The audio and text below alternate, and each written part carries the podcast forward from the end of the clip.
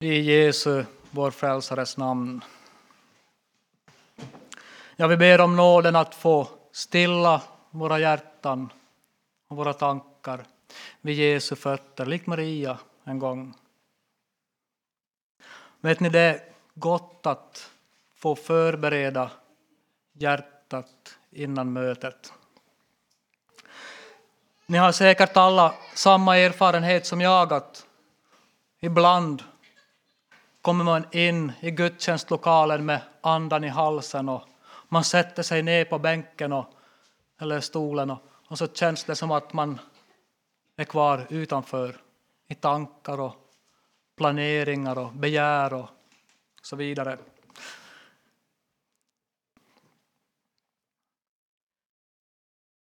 Jag har tänkt så här.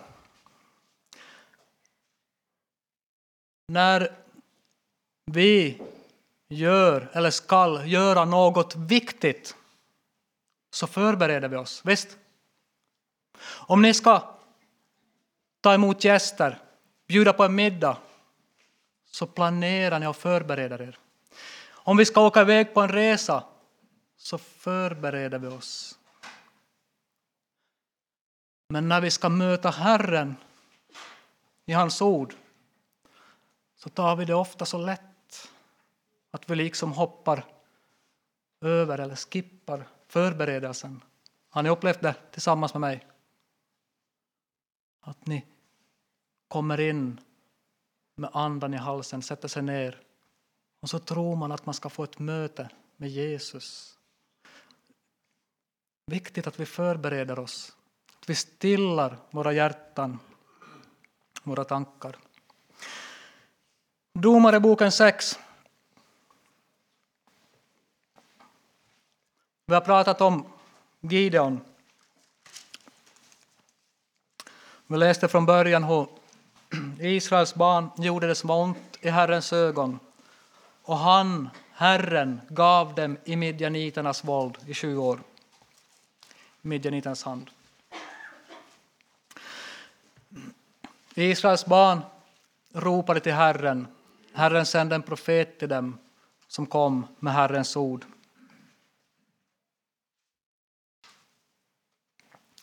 Gideon får en kallelse. Han som var den minste. Herren sa till honom, jag är med dig. Sen kommer ett avsnitt där Gideon säger, om jag har funnit nåd för dina ögon så låt mig då få ett tecken att det är du som har talat med mig. Och sen får han ett, man kan säga att löftet till Gideon bekräftas genom att ett offer bränns upp på ett märkligt sätt som jag inte kan förstå mig på, men jag tycker är märkligt sätt. Och efter det, om vi tar, läser en från vers 25 i Jesu namn. Den natten sade Herren till honom, tag den tjur som tillhör din far och den andra sjuåriga tjuren. Riv Riv sedan ner det Bals altare som tillhör din far och hugg sönder aseran som står intill den och bygg ett altare åt Herren din Gud överst på denna klippa och uppför det på vanligt sätt. Tag sedan den andra tjuren och offra den till brännoffer på resterna av aseran som du ska hugga sönder. Då tog Gideon med sig tio av sina tjänare och gjorde som Herren hade sagt till honom. Men eftersom han var rädd för sin fars hus och för männen i staden så gjorde han det inte på dagen utan på natten. När männen i staden tidigt följande morgon steg upp, se då låg Bals altaret nedbrutet. Aseran intill var sönderhuggen och den andra tjuren var offrad som brännoffer på det nya altaret. Då sade de till varandra, vem har gjort detta? Och när de undersökte saken och hörde sig för så fick de veta att Gideon, Joas son, hade gjort det. Då sade männen i staden till Joas, för ut din son, han måste dö, för han har brutit ner Baals altare och huggit sönder aseran som stod in till det. Men Joas svarade alla som stod omkring honom, Vill ni utföra Baals sak? Vill ni komma honom till hjälp? Den som utför hans sak ska bli dödad före nästa morgon. Är Baal Gud så kan han försvara sig själv när någon har brutit ner hans altare. Därför kallade man Gideon från den dagen Jerubal, för man sade Baal må utföra sin sak mot honom eftersom han har brutit ner Baals altare.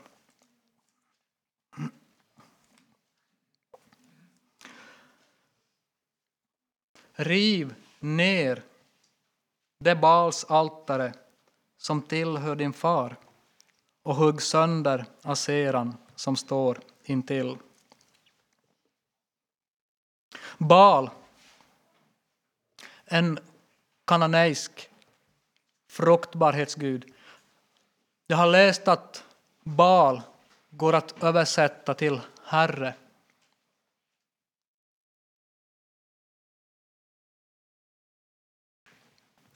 Herre.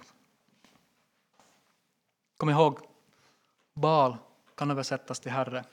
Som vi kan se i skriften så var ju Baalsdyrkan ett stort problem bland Israels folk.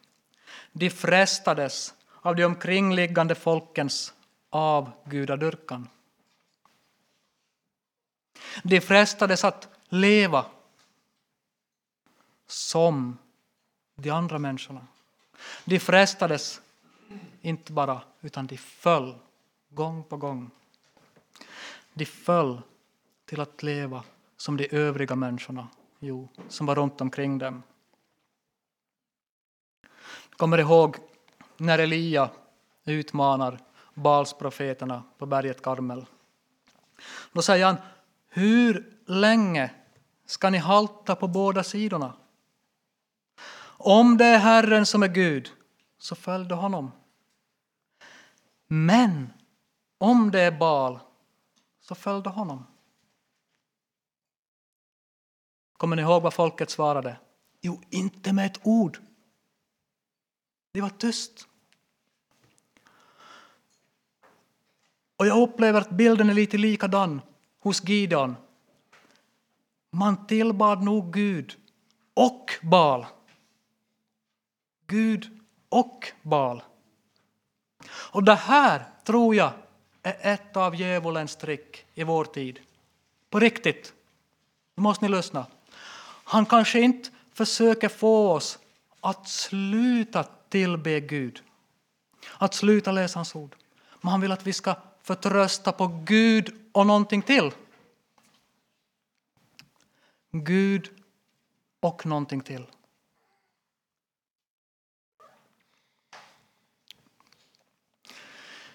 Jesus varnar oss ganska kraftigt i bergspredikan när han säger att ingen kan tjäna två herrar. Ingen kan. Antingen kommer han att älska den ene och hata den andra, eller hålla sig till den ene och se ner på den andra. Vi behöver se till att vi har Gud. Att han är vårt viktigaste. Gud och hans ord som vi hörde redan innan. Viktigast och bäst. Nödvändigast. Gud och mammon pratar Jesus om. Mammon är ett arameiskt ord som egentligen betyder förmögenhet eller ägodelar. Och Jesus använder den beteckningen på pengar eller jordisk rikedom. Och när han nu säger ni kan inte tjäna både Gud och mammon. Kan inte tjäna två herrar. Vet ni, en gång när jag läste det här för något år sedan så tog det faktiskt tag i mig på riktigt. För Jesus, han säger det här, han säger det inte som en rekommendation eller som en bra att ha med sig tanke. Att han säger inte åt, åt lärjungarna att hörni, va, ni ska vara lite försiktiga med det här med mammon och bal. Det är svårt att hålla balansen. Han säger att det är omöjligt. Han säger att ingen kan. Ingen kan tjäna Gud och Baal samtidigt. Och då kan vi säga så här. Vi som människor, vi kan inte vara på väg till himlen och helvetet samtidigt. Vi kan inte tjäna Gud och mammon. Därför att i ett hjärta ryms en Herre. Det är sanningen. Ändå är det ganska vanligt, vill jag påstå, av egen erfarenhet, tyvärr, att människan försöker sig på konststycket att tjäna både Gud och mamman. Kanske att man liksom vill få ut det bästa av två världar på något sätt. För mig var det så att när jag var bland världens barn ville jag leva som världen. Jag ville inte vara så annorlunda. Bland kristna så ville jag vara kristen. Jag ville inte vara annorlunda. Jag försökte att tjäna både Gud och mammon. Man satsar egentligen då på det här jordiska. Och så har man Jesus som en livlina. Man ber honom välsigna de egna vägarna. Man ber honom välsigna mina företag och mina påhitt. Och man ber Jesus att vara som en extra försäkring. När man ändå satsar på det här jordiska. Vi lurar oss själva om vi försöker gå den vägen. Vi lurar oss själva. Det har jag gjort. Och för att förtydliga, nu är det inte frågan om att äga mycket eller lite. Det är inte frågan om att vara rik eller fattig. Utan det är frågan om vad vi förtröstar på. Vem vi tjänar eller vad vi tjänar. Vem som är Herre i vårt hjärta. För vet ni, den som är Herre i vårt hjärta, han kommer också att bli Herre i vårt liv. Vi vet ju att Gud är en nitälskande Gud som inte kan dela hjärtat med Bal. Ja, eller vi kan säga att avguden får ha då vilket namn som helst. Om avguden heter jag, mig, världslig fåfänga, så går det inte. Det här möter vi redan egentligen i första budet. Jag är Herren din Gud som har fört dig ut ur Egyptens land, ut ur träldomshuset. Du ska inga andra gudar ha. Och nu vill jag säga så här.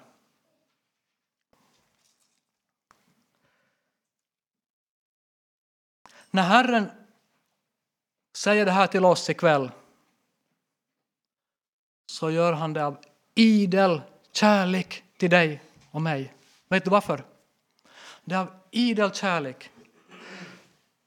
Därför att, lyssna noga, alla avgudar, de är inga gudar.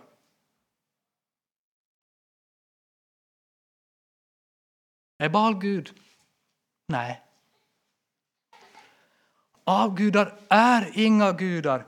Det är tomma, falska, ihåliga avgudar som kommer att lämna människan i sticket när dödens ängel knackar på och människan ska lämna den här världen. Då lämnar alla avgudar dig helt ensam. Helt ensam.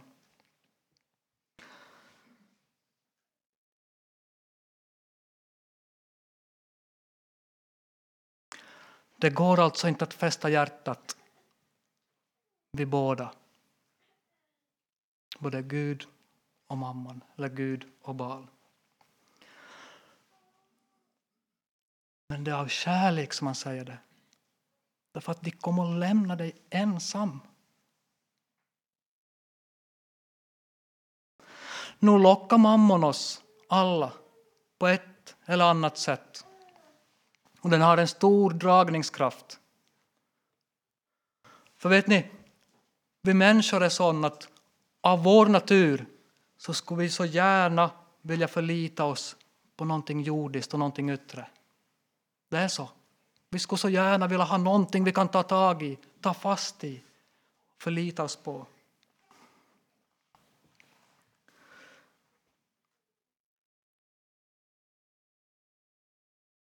Det är ju så. Ibland är det religion som vi vill lita oss på. Ibland är det yttre tecknen. Vet ni, jag har tänkt i första Samuelsboken 4 när Israel är i krig med, med filisteerna och det går inte så riktigt bra. Och då är det ju någon som, som kommer på där att ah, men just det, vi har ju inte förbundsarken här. Låt oss hämta förbundsarken från Silo så ska den hjälpa oss. Och ni vet hur det gick. Filisteerna tog förbundsarken av dem. Ibland har jag tänkt att om det här kan vara en bild på att när vi förlitar oss på de yttre tecknen som Herren har gett. Förbundsarken var ju inte Gud. Men de Israels folk blev vilsefört till att lägga förtröstan på den istället för att sätta förtröstan på Gud. Och då har jag ibland tänkt så, vad har vi som vi sätter vår förtröstan på? Ibland blir det i religionsutövning, i olika religionssaker. Och det som egentligen skulle vara oss given till välsignelse, och så måste Gud ta kraften bort ifrån det, eftersom vi satte vår förtröstan på de yttre tecknen eller någonting istället för på Gud. Sådana är vi som människor. Den som är världsligt sinnad, han sätter sin förtröstan på helt andra saker. Han bygger upp liksom en säkerhetsring där han förlitar sig på en stabil inkomst. Han förlitar sig på ett bra yrke och en bra jobb. Han har satsat på fonder och aktier och tittat hur det går och förtröstat på dem. Bygger upp en god pension och så har han en säkerhetsring som han kan falla tillbaka på när livet vacklar. Men en trygghet som är baserad på materiella tillgångar Ingen bra trygghet, hörni. Ingen bra alls. Ja, vår käre frälsare, han blev också lockad med rikedom när djävulen frestade honom. men han föll inte. Men många i vår tid faller ner för denna avgud. Och så blir de bekymmersfria. Nej. Man upptäcker snart att man får många fler bekymmer. Inte minst hur jag ska behålla nu allt som jag har samlat ihop. Ja, men tänker du, människan måste väl ändå få ha någon trygghet? Någonting att förlita sig på. Det är sant. Det är sant, vi har ett behov av att ha en trygghet. Även om det finns, ja naturligtvis finns det människor som man undrar om de ens söker någon trygghet. Det verkar som att de bara söker spänning och utmaning. Men jag tror att vi alla innerst inne behöver ha någonting att sätta vår förtröstan, vår trygghet till. Någonting vi kan förlita på. Saltaren 20. Andra förlitar sig på vagnar och hästar, men vi berömmer oss av Herrens, vår Guds namn. Det sjunker ner och faller, men vi reser oss upp och blir stående. Att förlita sig på häst och vagn kan säkert ha många betydelser och appliceras på många sätt. Om vi är få eller många, det spelar ingen roll. Om du är rik eller fattig, sa vi, det spelar ingen roll.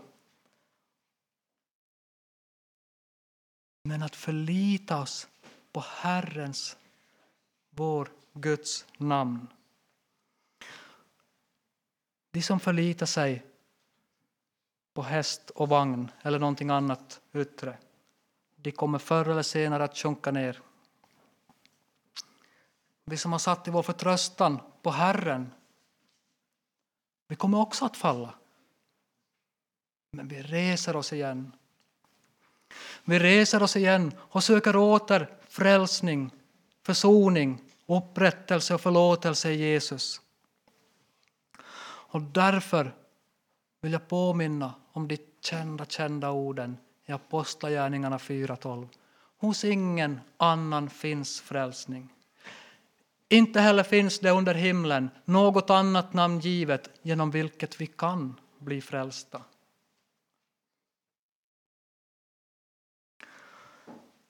Okej, okay. Gideons första uppdrag när Gud nu har kallat honom att göra rent eget hus.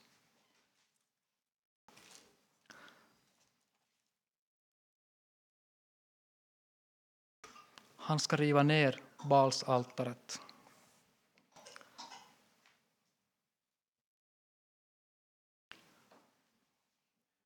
Då frågar jag så här. Varför fick inte Balsaltaret vara kvar? Och så byggde Gideon ett altare till Herren bredvid.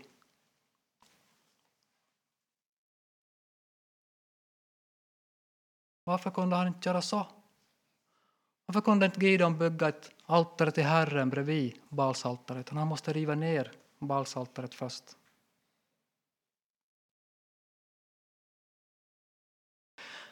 Jag tänker så här. Då får vi var och en se till oss själva. Om vi har ett balsaltare hemma eller någonting annat som vill vara herre i vårt liv.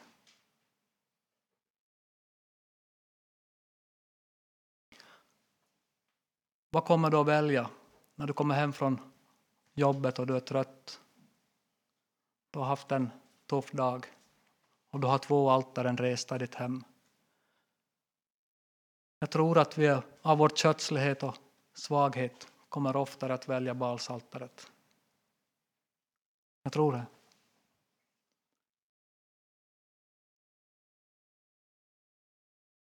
Gideon river ner balsaltaret. Det är sådana saker vet ni, som ger människan oro och bekymmer. Kötslighet, med andra ord. Jesus har sagt att ni ska inte göra er bekymmer av era liv. Och när vi säger att ni ska inte göra er bekymmer så vet vi att det är lätt att säga så. Gör er inte bekymmer. Och så gör vi ändå bekymmer. För vi vet alla vad bekymmer är. Visst? Vi har erfarenhet av oro.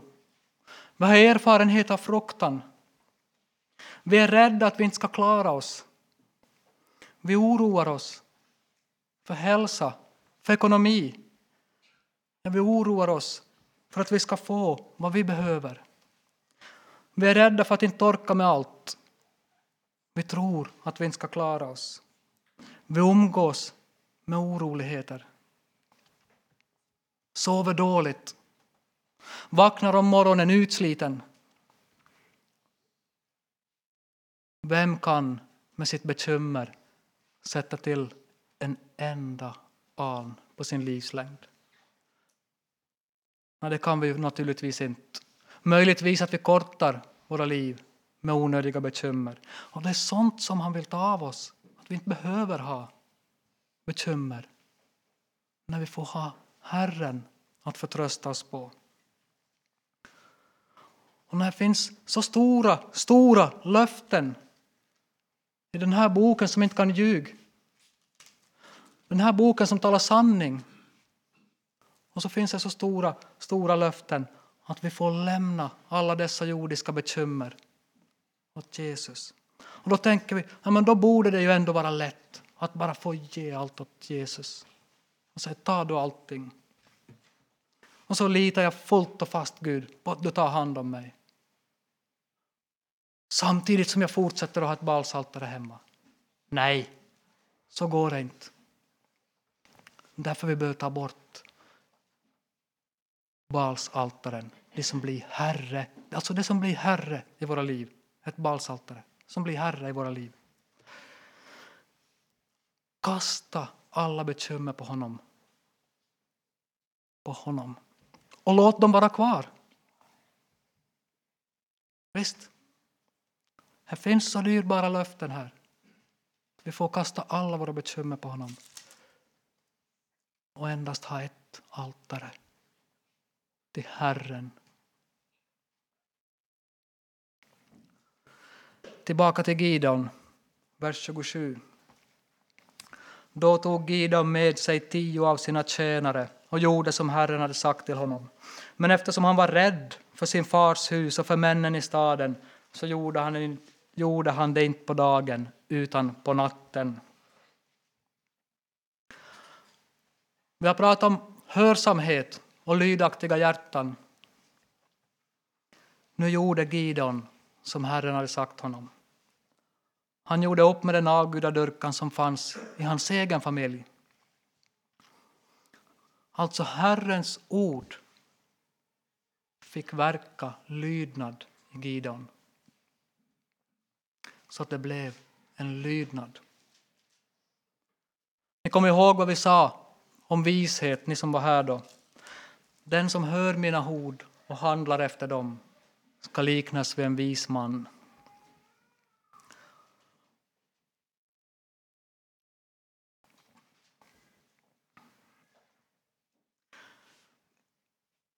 Ibland har jag den erfarenhet när Herren har talat till mig, till mitt hjärta och påmint mig om någon sak som jag behöver lägga bort. Och så låter man det liksom vara någon dag. Så rinner det liksom sand mellan fingrarna bort och så försvinner allt och så glömmer man det. Har ni upplevt lite likadant? Herren säger kanske det här dagen, det här behöver du reda ut. Det här behöver du göra upp med. Så tycker jag att men, ingen lämplig tid just nu. Det är ju, barn har varit sjuk och jag har haft så mycket annat. Och så jag, jag, väntar någon dag och låter svan. Och så måste Herren med sitt ord och sin ande komma en gång till och ta tag i mig. Gideon Ja, han var rädd, står det, för sin fars hus, så han väntade till följande natt. Men han väntade inte ens till följande dag. Den följande natt gick han och slog ner balsaltaret. Se, nu är den rätta tiden, säger aposteln. Nu är den rätta tiden. Nu är det frälsningens dag. Ikväll, om Herrens ande och ord påminner dig om att det finns saker du behöver sätta bort och göra upp med. Så är det ikväll. Idag är nådens tid och idag är frälsningens dag. Nu är den rätta tiden. Nu är den rätta tiden att föra fram det här inför Herren och säga Herre, jag vill, vill göra upp med det här. Jag har ingen kraft i mig själv. Men jag vill Alltid. Det är alltid så. Det är alltid så. När Guds ande och ord påminner oss, det är då det är den rätta tiden. För annars, ja ni vet, kan förhärda våra hjärtan genom att stå emot. Så är det. Som vi sa, kom ihåg att det är av kärlek som Gud gör det här. Eftersom det inte finns några riktiga gudar, andra gudar än Gud Fadern. Kom ihåg, kom ihåg, alla avgudar kommer att lämna er ensam. Därför som han vill bli din Herre. Så att du med Thomas kan säga min Herre och min Gud.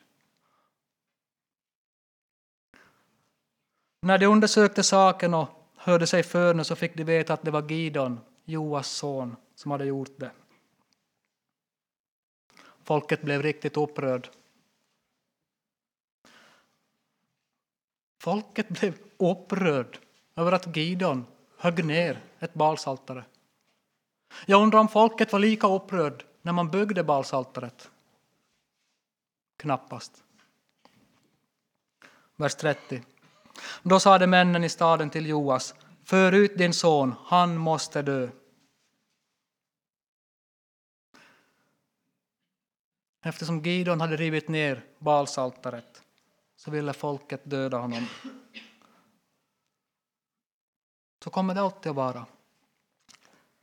Den som vågar.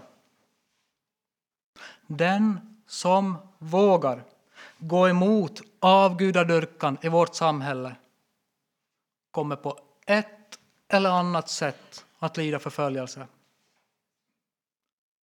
Den som vågar gå emot avgudadyrkan i vårt samhälle kommer på ett eller annat sätt att lida förföljelse.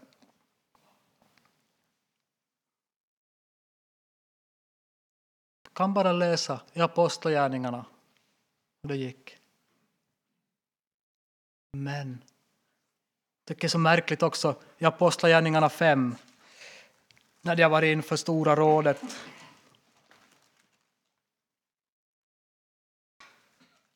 Jag, jag, måste bara få läsa en vers där, jag, jag tycker det är så oerhört starkt. Apostlarna hade varit inför Stora rådet och de hade förbjudit dem att predika i Jesu namn. Petrus och apostlarna svarade då att man måste lyda Gud mer än människor. Ja. Och sen i slutet där, från vers 40, så kallade de in apostlarna, lät piska dem och förbjöd dem att tala i Jesu namn. Sedan släpptes, släpptes de fria. Och så står det i vers 41. Och apostlarna gick ut från Stora rådet glada över att de hade ansetts värdiga att lida smälek för namnets skull.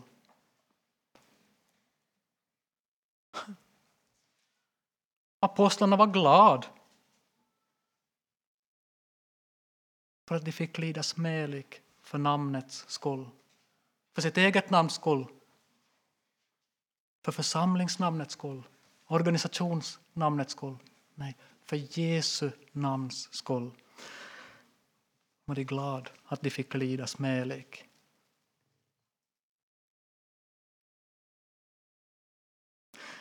Gideons far ger ju ett bra argument här. Om Baal är Gud så kan han väl försvara sig själv. Eller hur?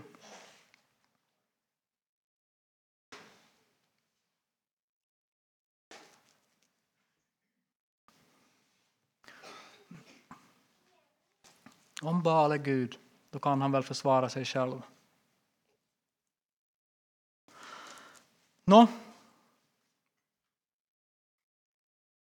kan vi ställa oss frågan ikväll. Vi som är så benägna till mammons dyrkan. Vi som bär på så mycket omsorg och bekymmer själv. Hur ska vi kunna bevaras? Och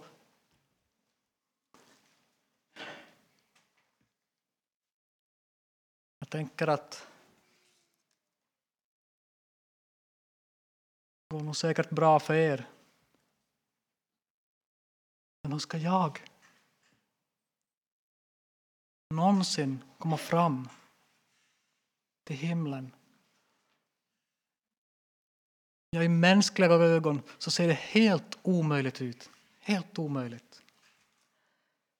Jesus säger sök först efter Guds rike och hans rättfärdighet så ska ni få allt det andra. Visst? Sök först efter Guds rike och hans rättfärdighet. Då börjar vi förstå att jag med min rättfärdighet kommer aldrig att komma fram. Då börjar vi förstå varför vi ska ha Guds ord överst på listan.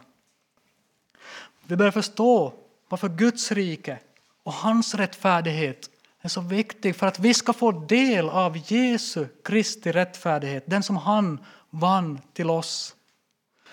den som han gjorde till oss i sin stora, stora kärlek. Så att han får bli min hjärtats brudgum och Herre.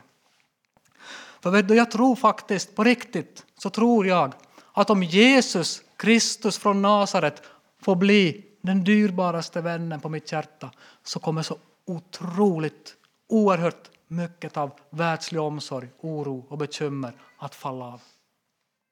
Jag tror så. Därför att vi får ett annat bekymmer och det är att vårda om relationen med Jesus.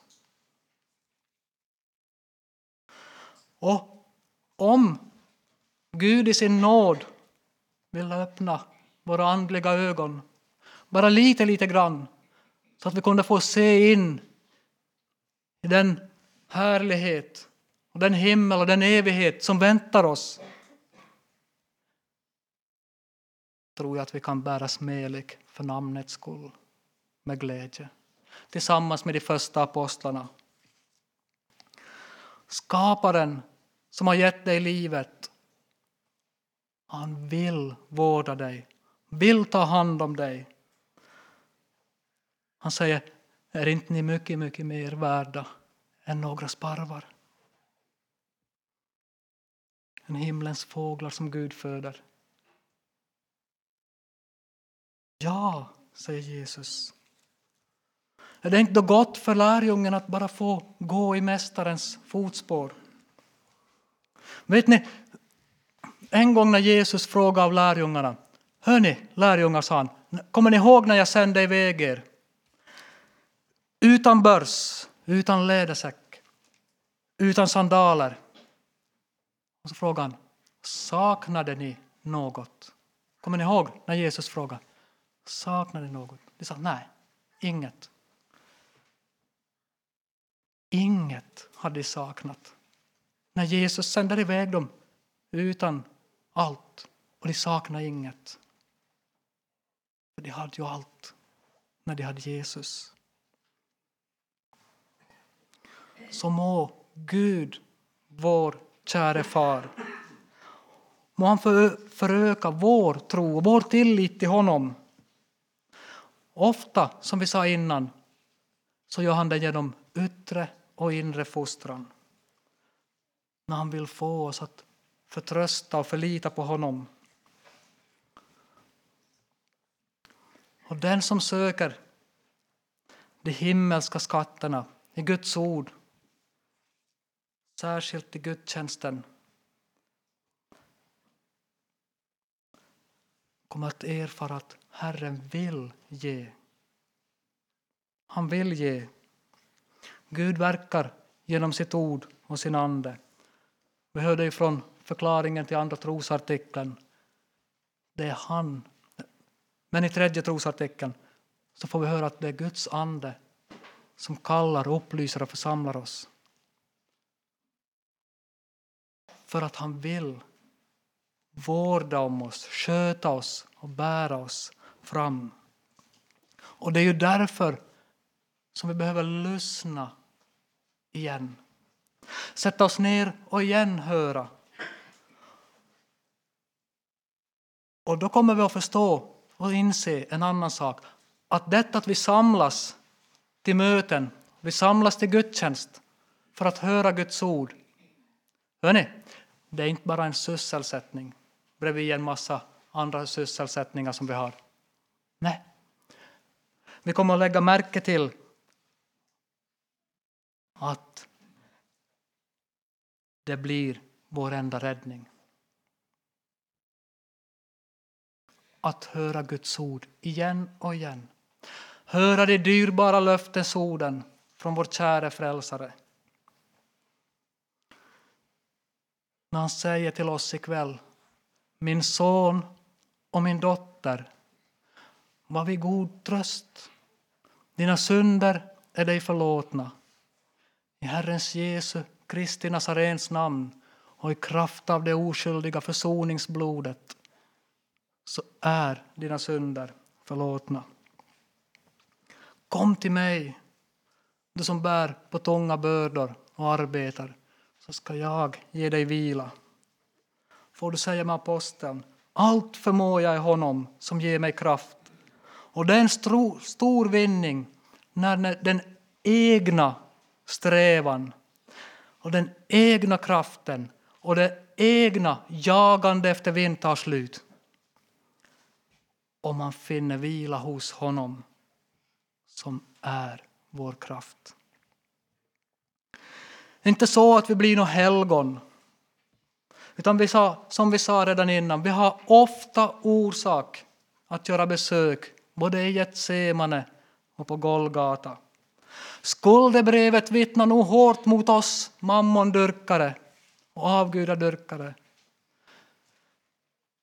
Men kära vän, om du vill se den blodiga genomstångna handen när han river itu ditt skuldebrev och säger till dig det är fullbordat. När Jesus säger på Golgata det är fullbordat då menar han att det är fullbordat. Och när du får se hans blodiga läppar och så börjar de och predika förlåtelse till dig. Han säger Fader förlåt dem, ty de vet inte vad de gör. Och så får du bli kvar vid det här och se honom. Du får bli kvar också när mötet är slut och se på din försonare. På han som tog ditt skuldebrev. Så hörni kära, kära, kära vänner. Sök alltid skydd hos Jesus vid Golgata. Det finns ingen annan plats där en helig Gud och en syndare kan mötas än i gudamänniskan Jesus. Det finns ingen väg, annan väg till Faderns hjärta. Det finns inget annat blod som kan rena dig. Det finns inget annat namn under himlen givet genom vilket vi kan bli frälsta än Jesus namnet. Och till sist bara en avslutande vers. Johannes 16, vers 33 säger Jesus. I världen får ni lida. Men, säger han, var vid gott mod. Jag har övervunnit världen. Visst hörde ni rätt? Du kommer inte att vinna över världen. Men Jesus säger var vid gott mod. Jag har övervunnit världen. Må Guds vilja få ske med oss var och en. Amen i Jesu namn.